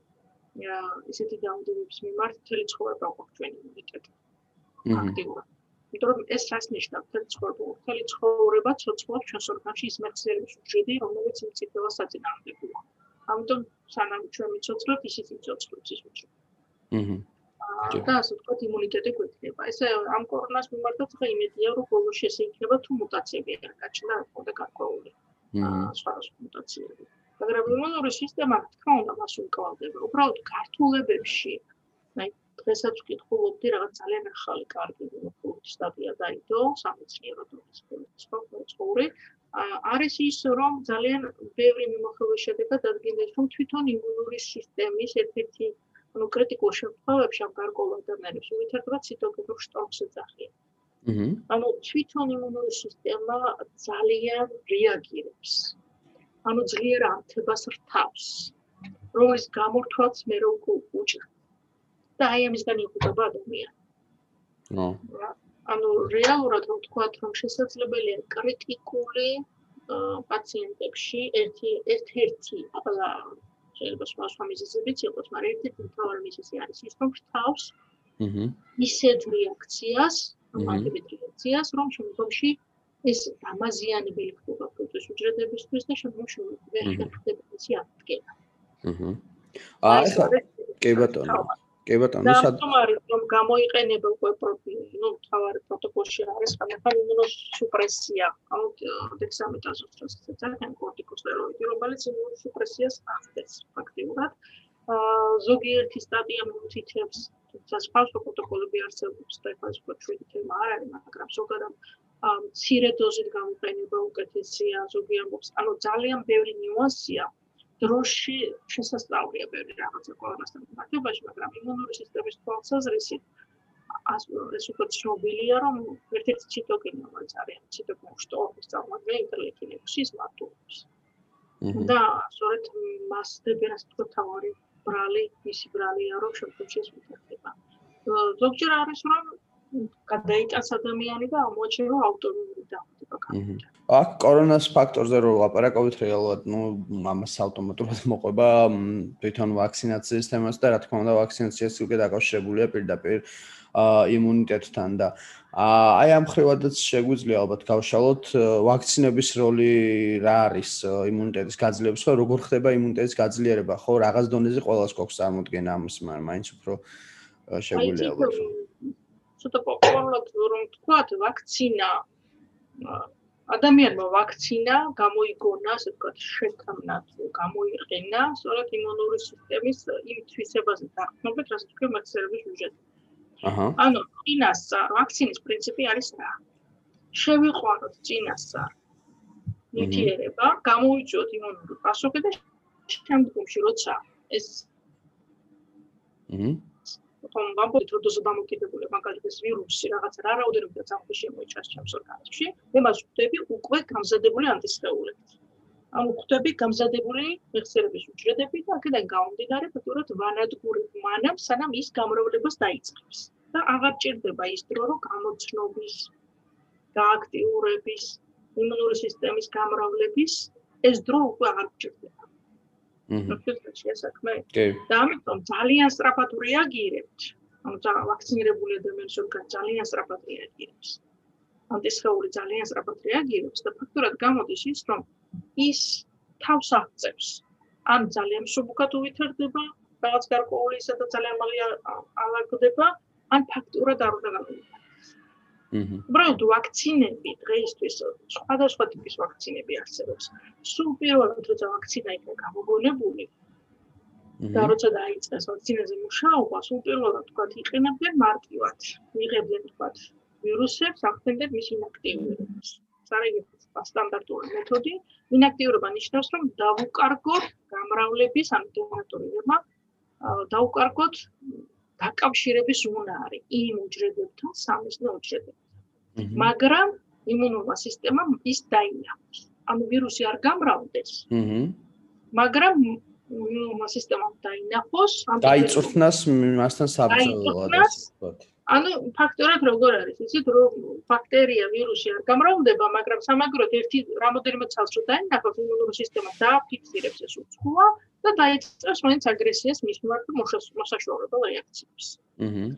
კი, ან აი რაღაც შეგვიძლია თქვა, რომ რაღაც შევატო ტრენინგია, რომ ტრენინგს უტარებთ ჩვენს არმიას, რომელიც არა, ეს ესეა, ტრენინგი. ფოტოშორის აა, პრასად ეძახით, ქართულად სხვადასხვანაირად შეიძლება სხვა ესეთი ვატრენირებთ. აი მაგ კიდევ ერთი ნიუანსია, მაგალითად ბავშვი, რომელიც გაზრდილია ძალიან სტერილ პირობებში და გამოდის თქვა სკოლაში, ანუ სტერილურად სახლში, გამოდის სკოლაში, იმის იმუნური სისტემა სხვანაირად რეაგირებს ბავშვი, რომელმაც გადაიტანა რაღაც დაავადებები საბავშვო ასაკში, როცა საჭირო იყო. იმის იმუნური სისტემა სხვანაირად რეაგირებს. ხო, ნუ ეს მაგასთან ერთად ასევე ხო არის მაინც დამოკიდებული იმაზეც, თუ სად ცხოვრობთ, რა ტერიტორიაზე ცხოვრობთ და გარემო პირობებზე და ხო, აი მაგალითად ერთ-ერთი მაგალითია მაგაზე, რომ შესაძაც ასე ვთქვათ ამერიკა აღმოაჩინეს, ევროპელებმა და იქ ჩადიოდნენ, აა გარდა იმისა, რომ ისინი იქ ძალადობდნენ მასიურად ადამიანებს ხოცავდნენ, მათ ისეთი დაავადებები ჩაიტანეს იქ, რის მიმართაც ადგილობრივებს უბრალოდ იმუნიტეტი საერთოდ არ გააჩნდათ და ერთ-ერთი დამღუპელი მათთვის, ესე ვთქვათ, ადგილობრივების ეს დაავადებები იყო, რომლების მიმართაც იმუნიტეტი არ გააჩნდათ, ასე რომ ეს ძალიან ფაქტორია. აი, ნახეთ, რითი დავიწყე მე? იმუნური სისტემა შეძენოს თქვა ადაპტაციური. აჰა. გარდა თავდაცვისა, სწორედ მაგით დავიწყე. ჩვენ იმუნური სისტემა ყოველთვის გვაგუებს იმ გარემოსთან, რომელშიც ჩვენ დავიბადეთ და გავიზარდეთ. აჰა. აჰა. ანუ ყველაზე კარგად მაგალითად ჩვენ ვართ შეგუებული აი ამ გარემოსთან. ანუ თქვათ ისე ვამბობ ახლა ძალიან ისე მაგალითისთვის დავიბადეთ საქართველოში, გავიზარდეთ საქართველოში, თბილისში თუნდაც კონკრეტულად. ყველაზე კარგად ვართ შეგუებული აქ. ეხლა ჩვენ რომ წავიდეთ რომელიმე ისეთ ქვეყანაში და მივხვდეთ რაღაცა ისეთი ხილი. აჰა. რომელიც ჩვენს ორგანიზმს საერთოდ არასდროს არ უნახია. შეიძლება გაგვივიწყდეს ალერგიული რეაქცია. ხო. და ალერგიული რეაქცია სუპერ იმუნური სისტემის რეაქცია. და მასთან ეს ჩვენი ორგანიზმი არ იყო შეგუებული, ამიტომ რომ დაინახა რეაქცია განავითარა. აჰა. როგორც უცხოზე, და ეს რეაქცია არ იყო ასე ვთქვათ კორექტული და განვითარდა ალერგია. ხო, აი შემდეგ რაც უნდა მეკითხა, სხვა თეორიის შემდეგ თემა ეს იყო ალერგიის ფაქტორი და ალერგიის და იმუნიტეტის, ხო, იმიტომ რომ რეალურად პირდაპირ არის ეს დაკავშირებული, ხო, იმუნიტეტთან, ანუ როდესაც მაგას ეგ იწევს, ხო, რეალურად, როდესაც ორგანიზმის აჰა. ანუ ალერგიას მეორენერად არის ესეთი გამარჯვება, ეს არის ზემგრძნობელობის რეაქცია. ქართულად ჰიპერმგრძნობელობის რეაქცია. ანუ ალერგია აი იმუნური სისტემას მოწონს და ესეთ რაღაცას ვამბობთ. იმუნური სისტემის თავარი თვისება არის უცხოს და საკუთარის გარჩევა. და იმ უცხოში პათოგენურის გარჩევა არაპათოგენურის. კი ბატონო. ეხლა ნახეთ უკარო დავბრუნდეთ. თუ უცხო და საკუთარი ვერ გაარჩია კარგად, ვითარდება აუტოიმუნური დაავადებები თუ უცხოში ვერ გაარჩია პათოგენური არაპათოგენურისგან ვითარდება ალერგიული რეაქცია. აჰა. ეგრეთ წოდებული ზემგზნობელობის რეაქციები. ანუ იმუნური სისტემა მოქმედებს კარგად, როცა არჩევს უცხოს და საკუთარს, ანუ უცხოზე აქვს რეაქცია, ფიზიკური სხვა და საკუთარზე არა აქვს რეაქცია. აჰა. უცხოში კიდევ არჩევს პათოგენურს, არაპათოგენურისგან და შესაბამისად პათოგენურზე აქვს რეაქცია და არაპათოგენურზე არ აქვს რეაქცია. მაგალითისთვის ყვავილის მიტვერი არის ერთ-ერთი მთავარი ალერგენი, ხო? რეალურად ყვავილის მიტვერი ჩვენი ორგანიზმის დამაზიანებელი არა, პათოგენი არა, ბაქტერია არ არის, არც ვირუსია. აჰა. მაგრამ იმ ადამიანებში, რომელსაც ისე უკავდა რაღაც გარკვეული გენეტიკური წინასწარ განწყობა, ეს ნიშნავს, რომ მათ აქვს რაღაც გენების ის ნაკრები და სინთეზირებენ ისეთ სტრუქტურებს, ისეთ მოლეკულებს, ნივთიერებებს, აჰა. გამოიცნობენ აი ამ ყვავილის მიტვერს. კი ბატონო. და მასზე იწყებენ რეაქციას. და რეაქცია მარტივი რეაქცია ხო არ არის იმუნური სისტემა უკვე თქვით რომ ძალიან საფუძვლებლად ავითარებს გარკვეულ რეაქციებს, ხო? იწყებს ანთებას, ჩართავს გააქტიურებას, ტელიმფოციტებს, ბელიმფოციტებს და ასე შემდეგ და ასე შემდეგ და ბოლოში ასინთეზირებს ანტისხეულებს, განსაკუთრებით ალერგიის შემთხვევაში იმუნოგლობული ის, ანუ E იწერება. და ეს იმუნოგლობული ეუკავშირდება უჯრედებს, რომლებიც წარმოქმნის ისეთ ნივთიერებს და კლინიკაში გვაქვს უკვე ალერგია. მათ შორის ანაფილაქსიური შოკიც მაგალითად. კი ბატონო. აი კი ბატონო. აი მაგალითად, როდესაც ალერგიაზე საუბრობ, შემიძლია ჩემი მაგალითი მოვიყვანო და აქედანაც განვორცო ეს თემა, იმიტომ რომ აი მაგალითად მე მომცა ესეთი, ანუ აქამდე არ არ შეუწუხებია რა არაფერს ალერგიული არ ვიყავი, ესე ვიძახდი ყოველ შემთხვევაში და აა გამივითარდა კატის ქვიშის მიმართ ალერგია, რომელიც აღმოჩენასთვისაც ძალიან ბევრი დრო დამჭირდა, იმიტომ რომ ვერ ხვდებოდი თავიდან რა მაწუხებდა. ანუ დამეწყო ესე რომ ანუ უბრალოდ სურდო მქონდა ხოლმე ხშირი და სულ ეს მაწუხებდა. მე ცემინება და თავიდან რატომღაც მეგონა რომ უბრალოდ ქრონიკულად გაციებული ვიყავი. ну მე მივხვდი რომ ეს გაციებასთან არაფერს შეარიყო და ვირუსებთან არიყო ამ შემთხვევაში დაკავშირებული და ნელ-ნელ მე მეგონა რომ კატის ბეწუზე მქონდა და ბოლოს აღმოვაჩინე იმ ლოგიკით რომ როდესაც ანუ იმ რაღაც კონკრეტულ რაღაცას ვერიდები იმ პერიოდში არ მემართება ეს არის თურმე კატის ქვიშაზე მქონია ალერგია. რომელიც როგორც ჩანს ადრე არ მქონდა იმიტომ რომ კატებთან ერთად ცხოვრობდი აქამდე მაგრამ რაღაც პერიოდში გამივიდვითარდა აი ეს რა ფენომენია ანუ როდესაც აქამდე არ არის სიტყვაზე ალერგია ერთი რაღაც მე და უცებ ხდები ალერგიული ამის მიმართ ეს როგორ ხდება ეს? კატის ქვიშა უკაცრავად მანამდეც ქონდათ კატები აქ ყავდათ მაგრამ ეს კატის ქვიშა მანამდე კი კი კი იყო კატის ქვიშაც იყო და თავიდან არ მოხდა და მე რა. ეხლა რა ფენომენია ზუსტად იგივე ფენომენია თუმცა ეს რასაც ყვებით სულ ალერგიული რეაქცია. მე უფრო ვფიქრობ რომ არა. კატის ქვიშის შემადგენლობას გააჩნია თუ შემადგენლობაში რაიმეთი არ არის დამუშავებული ქიმიური ნივთიერებით. ანუ ეს ახალი ქვიშაა შეიძლება და მანამდე სხვა ქვიშას თუ ხმარობთ, სხვადასხვა წარმოებულს გულისხმობ რა. ეს ხო სპეციალური ქვიშაა, ამასაც მოსაუბრებ. არა, იგივეა როგორც ვიცი, მე მგონი განსხვავებული. არა, ნახეთ როგორ სიტუაცია რაღაცა ნივთიერება თუ უშუალოდ ქვიშას ვაბრალებ. თუ არა და არის ესეთი მომენტი. აა, კატას ბეწვის გარდა აქვს გამონაყოფები.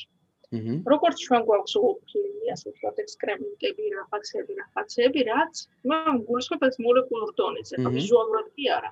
ეს დაიწყოთ იმაზე რა საუბარი. ეს შეიძლება რაღაც შეიძლება კატას რაღაც სხვა საკვები უყიდეთ. და ამ საკვების გამო მაგ რო გადაამუშავა სხვა ნივთიერებები წარმოიქმნა. და იმ ნივთიერების მიმართ გაჩნდა. არა, რატო ამბობ იცით ამას, რომ ანუ როგორც მე ამ ნივთიერება დაფიქსირდა. თქვენმა თქვენმა იმუნმა სისტემამ აბსოლუტურად არაალერგიული ადამიანი არ არსებობს ბუნებაში. აჰა. ყოველთვის ვამბობთ რომ ეს ადამიანი არ არაალერგიული ამ პირობებში ამ სიტუაციაში. მაგიტო ვთქვი. იმიტომ რომ იმუნური სისტემას აქვს ძალიან ძლიერი ძლავრი ეს ძალიან ბევრი სპეციფიკურობის და პროცესები არსებობს ჩვენს ორგანიზმში. ამიტომ მაგას ვერასდროს ვერ ვიტყვით. რომ შედარებითაც ზოგი არის ზოგი ძალიან ალერგიული ანუ ძალიან შეერაგული იქნება ყველაფერზე მაგალითად. და თქვენ კიდევ არის ესეთი მომენტი რაც ადრე წავშე. რამდენადაც იმუნური სისტემა ასაკთან ერთად ცვალებადობს და გარდა ამისა ცვალებადობს გარემო პირობებზე, რაც თქვით უკვე საკვებზე. გადატანილ დაავადებებზე. აა როგორი არის ჰაერში ტენიანობა? ალერგიას იწვევს კიდევ სოკოები, რომელიც თვალით საერთოდ არ ჩანს. და ეს სოკო შეიძლება გავითარდეს იმ ქრიშაში, ამ ტენიანობის ტენიანობა მაღალი როცა არის და ტემპერატურა მაღალი როცა არის, ხანდა გავითარდება სოკო. სიმშრალე როცა არა. ამ სოკოში ჩვენ ვხედავთ. ნუ მიკროსკოპულად დაინახავთ ის ქუშა რო დაათვალიეროთ. ანუ აქედან გამომდინარე, სწორედ აი ეს სხვა სხვა ფაქტორები იმუნურ სისტემაზე მოქმედებს, თქვენს მგზნობელობაზეა მაღლა და გაგვითარდათ ის რაც ნახავთ. ანუ ის მიმართაც გავითარდა სამეთქული რეაქცია. ერთადერთი ვარიანტი ამ შემთხვევაში არის, რომ თუ ზუსტად ის ქვიშა და კატა არის ამ შეფარდ უნდა მოიშოროთ. ქვიშა ხო? ქვიშა უნდა მოიშოროთ და სხვა რამ უნდა შეურჩიოთ. აჰა. თუ ნამდვილად ის რო კატა არ არის და ქვიშა არის, ქვიშა კი, კი, ნამდვილად ვიცი, იმიტომ რომ როგორც კი უბრალოდ სუნი მომივა ქვიშის მაშინ მეწება ეს ალერგია, ისე არ მეწება. კი, გასაგებია. გასაგებია, თან ქვიშას წვრილი ფენომენია, წვრილი მოცულოვანი თუ არის რაღაცა, შეიძლება მწვერის სახიდან რაღაცა სულში კარგად შეისწრაფქავ რა. აჰა. როგორც ასეთი. ეს ფენომენი ქვიშა უნდა მოიშორო და ჩაანაცვლოს სხვა რაღაცი და თქვენ ამ კლინიკური მაგრამ თქვენი ორგანიზმი უკვე აჰა დამახსოვრებული აქვს ქვიშა სადღაც სხვაგან თუ შეხვდებით მაინც იგივე რეაქცია შექმნით აჰა ანუ სამწუხარო და სისტემური მაგას თქვენი ორგანიზმი უკვე აღარ გამოვიიღებთ ესე რომ ვთქვა. ანუ რეაქცია. თქვენ უკვე ხართ მაგას ქვია გრძნობიარე ა სენსიტიური ქართულად კი ბატონო, სენსიტიური. ხო, უბრალოდ სენსიტიურია რამ კონკრეტული რაღაც მიმართ, ხო? თუ ზოგადადაც შეიძლება სამყარო. სენსიბილიზირებული, კონკრეტულად ქიშის მიმართ. სენსიბილიზაცია მოხდა, ესე ვეძახეთ ხოლმე. სენსიბილიზაცია. ანუ ის უკვე ეს ეტაპები გამოცნობის, ანტისხეულების ის უკვე დამთავრებულია თქვენს ორგანიზმში. თქვენ გაქვთ უკვე მეხსიერების შეძები და იმ რაღაცის ქიშის მიმართ და როცა ესეთი ქიშა ნებისმიერ სიტუაციაში მოხდება, იგივე რეაქცია გიქნება. კი, აიო, საკმარისია რომ ორი წამითაც შევისუნთქო ხოლმე სუნი რომ მომდის, ეგრევე მეწება, აი რაღაც ხველებას. აი სუნი რომ მომდის, ნახეთ რაღაც აკროლადი ნივთიერება აი მასში. რაზეც გაფრიეცია. თორე მექანიკურად ქიშის იმაზე კი არ გექნება, მაგრამ აკროლადი ნივთიერება რითაც ის აგრჟვენთილი, რომელიც თქვენს ორგანიზმში იჭრება აი სიცოცხლე მაგას. მექანიკურადაც არსებობს ისე, მაგრამ ამ შემთხვევაში უფრო რასაც ამბობთ, და ამასაც რა თქმა უნდა მიხედვა ჭირდება, ხო? ანუ ანუ ამის თითქოს გაგზავნა. მოიშორებთ, არაფერი აღარ კიდე, ბაჭი არაფერს ვერ უსამთ. და თუ არ მოიშორებთ, მაშინ უნდა სპეციალურად სვათ ისინი, რომელიც რეაქციას არ გამოიწვევს, მაგრამ შემთხვევაში ყველაზე კარგი ვარიანტი რა ხარ, იცით რის მიმართ ის მოიშოროთ. აჰა. და მოერიდოთ. აჰა. კი ბატონო. თუმცა ეს რაღაც საშიში გადაზრდა და რაღაცა არ ხდება ხო? კი ბატონო. ხო ძალიან საინტერესო იყო ესეც ანუ ესე ვთქვათ ჩემი პირადი ისიც მივიღე ინფორმაცია ჩემი მეგობარზეც მივიღე. ძალიან კარგია. აა ალბათ შეგვიძლია დასასრულისკენ წავიდეთ და დასასრულისკენ ალბათ შეგვიძლია ხაზი გავუსვათ იმას თუ აა როგორ შეგვიძლია რომ ზოგადად აი მსმენელმაც რომ გაიგოს ხა მე კი აქ ჩემის მოვიტანე მაგალითად ჩემ მეგობრის შეიძლება ეს მსმენელსაც კონდეს ეს პრობლემები და კარგი იქ გამოვადგეთ და სხვა მხრივადაც აი როგორ შეიძლება რომ ზოგადად ჩვენს იმუნიტეტს მოუფრთხილდეთ რა აი ეს რო ვთქვა და ზოგადად საფაქტობრივად შევა ჯამოთ რაც უკვე ვისაუბრ ყველაფერი. მოწესრიგებული ცხოვრების სტილია ფაქტიურად ერთ-ერთი მთავარი გარანტი მაგალითად კარგი ძილი ნორმალური ზომიერი ანუ სპეციალური კი არის ზომიერი კვება გარკვეულწილად თავისი ყველაფრით. და სპეციალური დიეტები არ უნდა დავიცვათ იმის გარეშე თუ არ ვიცით რა გჭირდება თუ არა. ანუ კომიცით ხანდახან იციან გარკვეული დიეტების დაცვა იგივე ალკოჰოლის მოხმარებაც უნდა იყოს ესე თქვა ძალიან ზომიერი და იმ მიმართულებითაც ეს არის. ანუ ყველაფერი პრინციპში ადამიანი ალბათ შექმნილი არის იმისთვის რომ ზომიერებაში თუ იქნებიან ძალიან გარკვეულწილად ну ვარჯიში ცურვა და ესეთი რაღაცები რა თქმა უნდა ხელს უწყობს და ვიტამინებით მდიდარი საკვები. ცალკე ვიტამინების მიღება ძალიან კარგია, მაგრამ ეს იმ შემთხვევაში თუ ეს გჭირდება. ну, ჩვენ არ ვისაუბრეთ D ვიტამინზე, ხა ძალიან დიდი არის D ვიტამინი ნამდვილად ძალიან ძლიერი ფაქტორია, რომელიც იმუნურ სისტემასთან მოქმედებს. მე არ მინდა რომ ამიკავ მასალ D ვიტამინს გავუკეთოთ, მაგრამ დღეისთვის დადგენილი კვლევების მიხედვით 70% ქალაქის მოსახლეობის განსაკუთრებით აქვს D ვიტამინის დეფიციტი. კი, სხვათა შორის მე დავიწყე სმა და პირადად მე მქონდა. ვიგრძენი მე. ბევრი კლინიკური ისენი მქონდა რაღაც სხვა გამოვლინებები და მე თვითონ იმედით დასკვნამდე და როცა გავიკეთე, არა მარტო დეფიციტი მქონდა, ძალიან დაბალი დონე მქონდა. დეფიციტი არის რაღაც გარკვეულ სხვაში. და მე მქონდა საერთოდ ნულისკენ და მეც მომიწია მაგის მიღება და მივხვდი რომ ის არის. ეს გამოიწვია იმის რომ აი სახში როცა ზიხარ კომპიუტერთან ზიხარ მუდმივად რაღაც მუშაობ.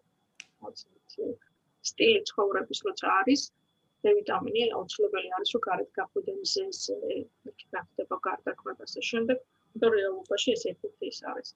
კოდ ბალანსირებული ალბათ ყვება უპირველეს ყოვლისა, იმიტომ რომ ყვება ჩართავს ეს კიდევ აი ერთი სიტყვით და დაუმთავრებდეს ეს ყვება ყვება ჩართავს 70% გენებს, რომელიც ჩვენ გაგვაჩნია.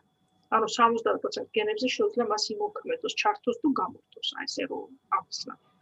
უთა რთულია, მაგრამ წარმოიდგინეთ, რომ ეს იგი რამდენად არის ყველაზე დამოკიდებული. 30% მუდმივად არის. გენები, რომელიც გარკვეულწოდად გადაგვეცა, ის ექსპრესივდება, ანუ ფენოტიპურადაც ამ როგორც გარებულად გამოიხატება, ხო? და 70%-ს ჩვენ მართავთ ყვებით. აჰა. და ხო წარმოგიდგენთ, როგორ გავინასახდეს ეს ყველაფერზე. კი ბატონო. აა და აი ამ ხრივ მეცნიერებაშიც რა ხდება, ანუ აა სამეცნიერო დრო შევხედოთ იქნება ეს მედიცინა თუ სიტყვა სხვადასხვა თერაპიები. რას უნდა ველოდოთ მომავალში ტექნოლოგიებისგან და მეცნიერების განვითარებისგან იმუნიტეტთან დაკავშირებით? რამდენი შეიძლება უფრო დაცულები ვიყო ვაქცინები.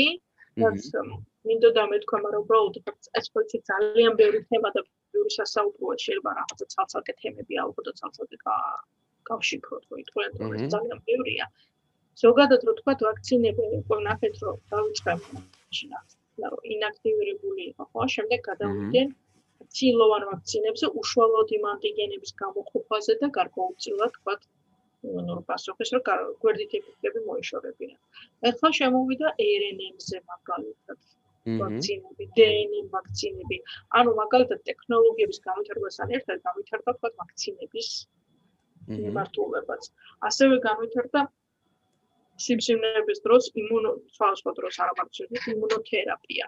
მაგალითად, ახლა უკვე არის წამლები პირდაპირ მონოკლონური სხეულები, რომელიც გარკვეულწილად ეს ნიშნავს, რომ უკავშირდება იმ თავის სამისლებს. აჰა.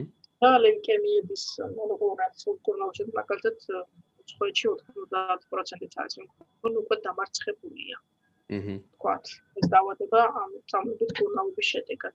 ანუ იმუნოთერაპიები არის უფრო მიზანმიმართული, თუმცა ხას არ წარმოვიდგინოთ, რომ გვერდითების გარეშე იქნება, იმიტომ რომ ნებისმიერი და ჩვენ ვერ განვიხილებ ბოლომდე, ნებისმიერი რაღაცა შეყვანილ გარეშე იმუნური სისტემა მას აღიქვამს. აჰა. და მე თუ მეტეს ეს თუ უნდა დაიყვანო მინიმალურამდე, რომ ამას არ უნდა გუნდეს უცხო რაღაცა, არ უნდა ახლდეს. თუ უცხო არ ახლავს, ამ შემთხვევაში რეაქციას არ ავითარებს, მაგრამ თუ დაინახო რაღაც უცხო, მე მასე იწევს რეაქციას. და შეიძლება რეზისტენტობა გამიტარდეს ამ თერაპიის მიერ. ჰმმ, კი ბატონო. მმ, ძალიან კაი, ძალიან საინტერესო იყო ჩემთვის და დარწმუნებული ვარ, სმენელის ძალიან ბევრ საინტერესო რაღაცას გაიგებ და რასაც აა, ბევრს გამოადგება კიდევაც შეება, ბევრს დავაფიქრეთ კიდევაც, რომ აი რაღაც შეიძლება დაფიქრდეს რომ აი მას მიუხედო ანას შემდეგ ხო? აა ძალიან დიდი მადლობა, რა ვიცი, თქვენ სტუმრობისთვის და მსმენელსაც მადლობა მოსმენისთვის, ასე ვთქვათ. დიდი თქვენ დიდი მადლობა და მსმენელსაც რომ ძალიან დიდი გამოდიოდა. აა არა მშვენიერი იყო და ძალიან კარგი. აა კარგი ხაბა, დაგემშვიდობებით, დროებით და მადლობა.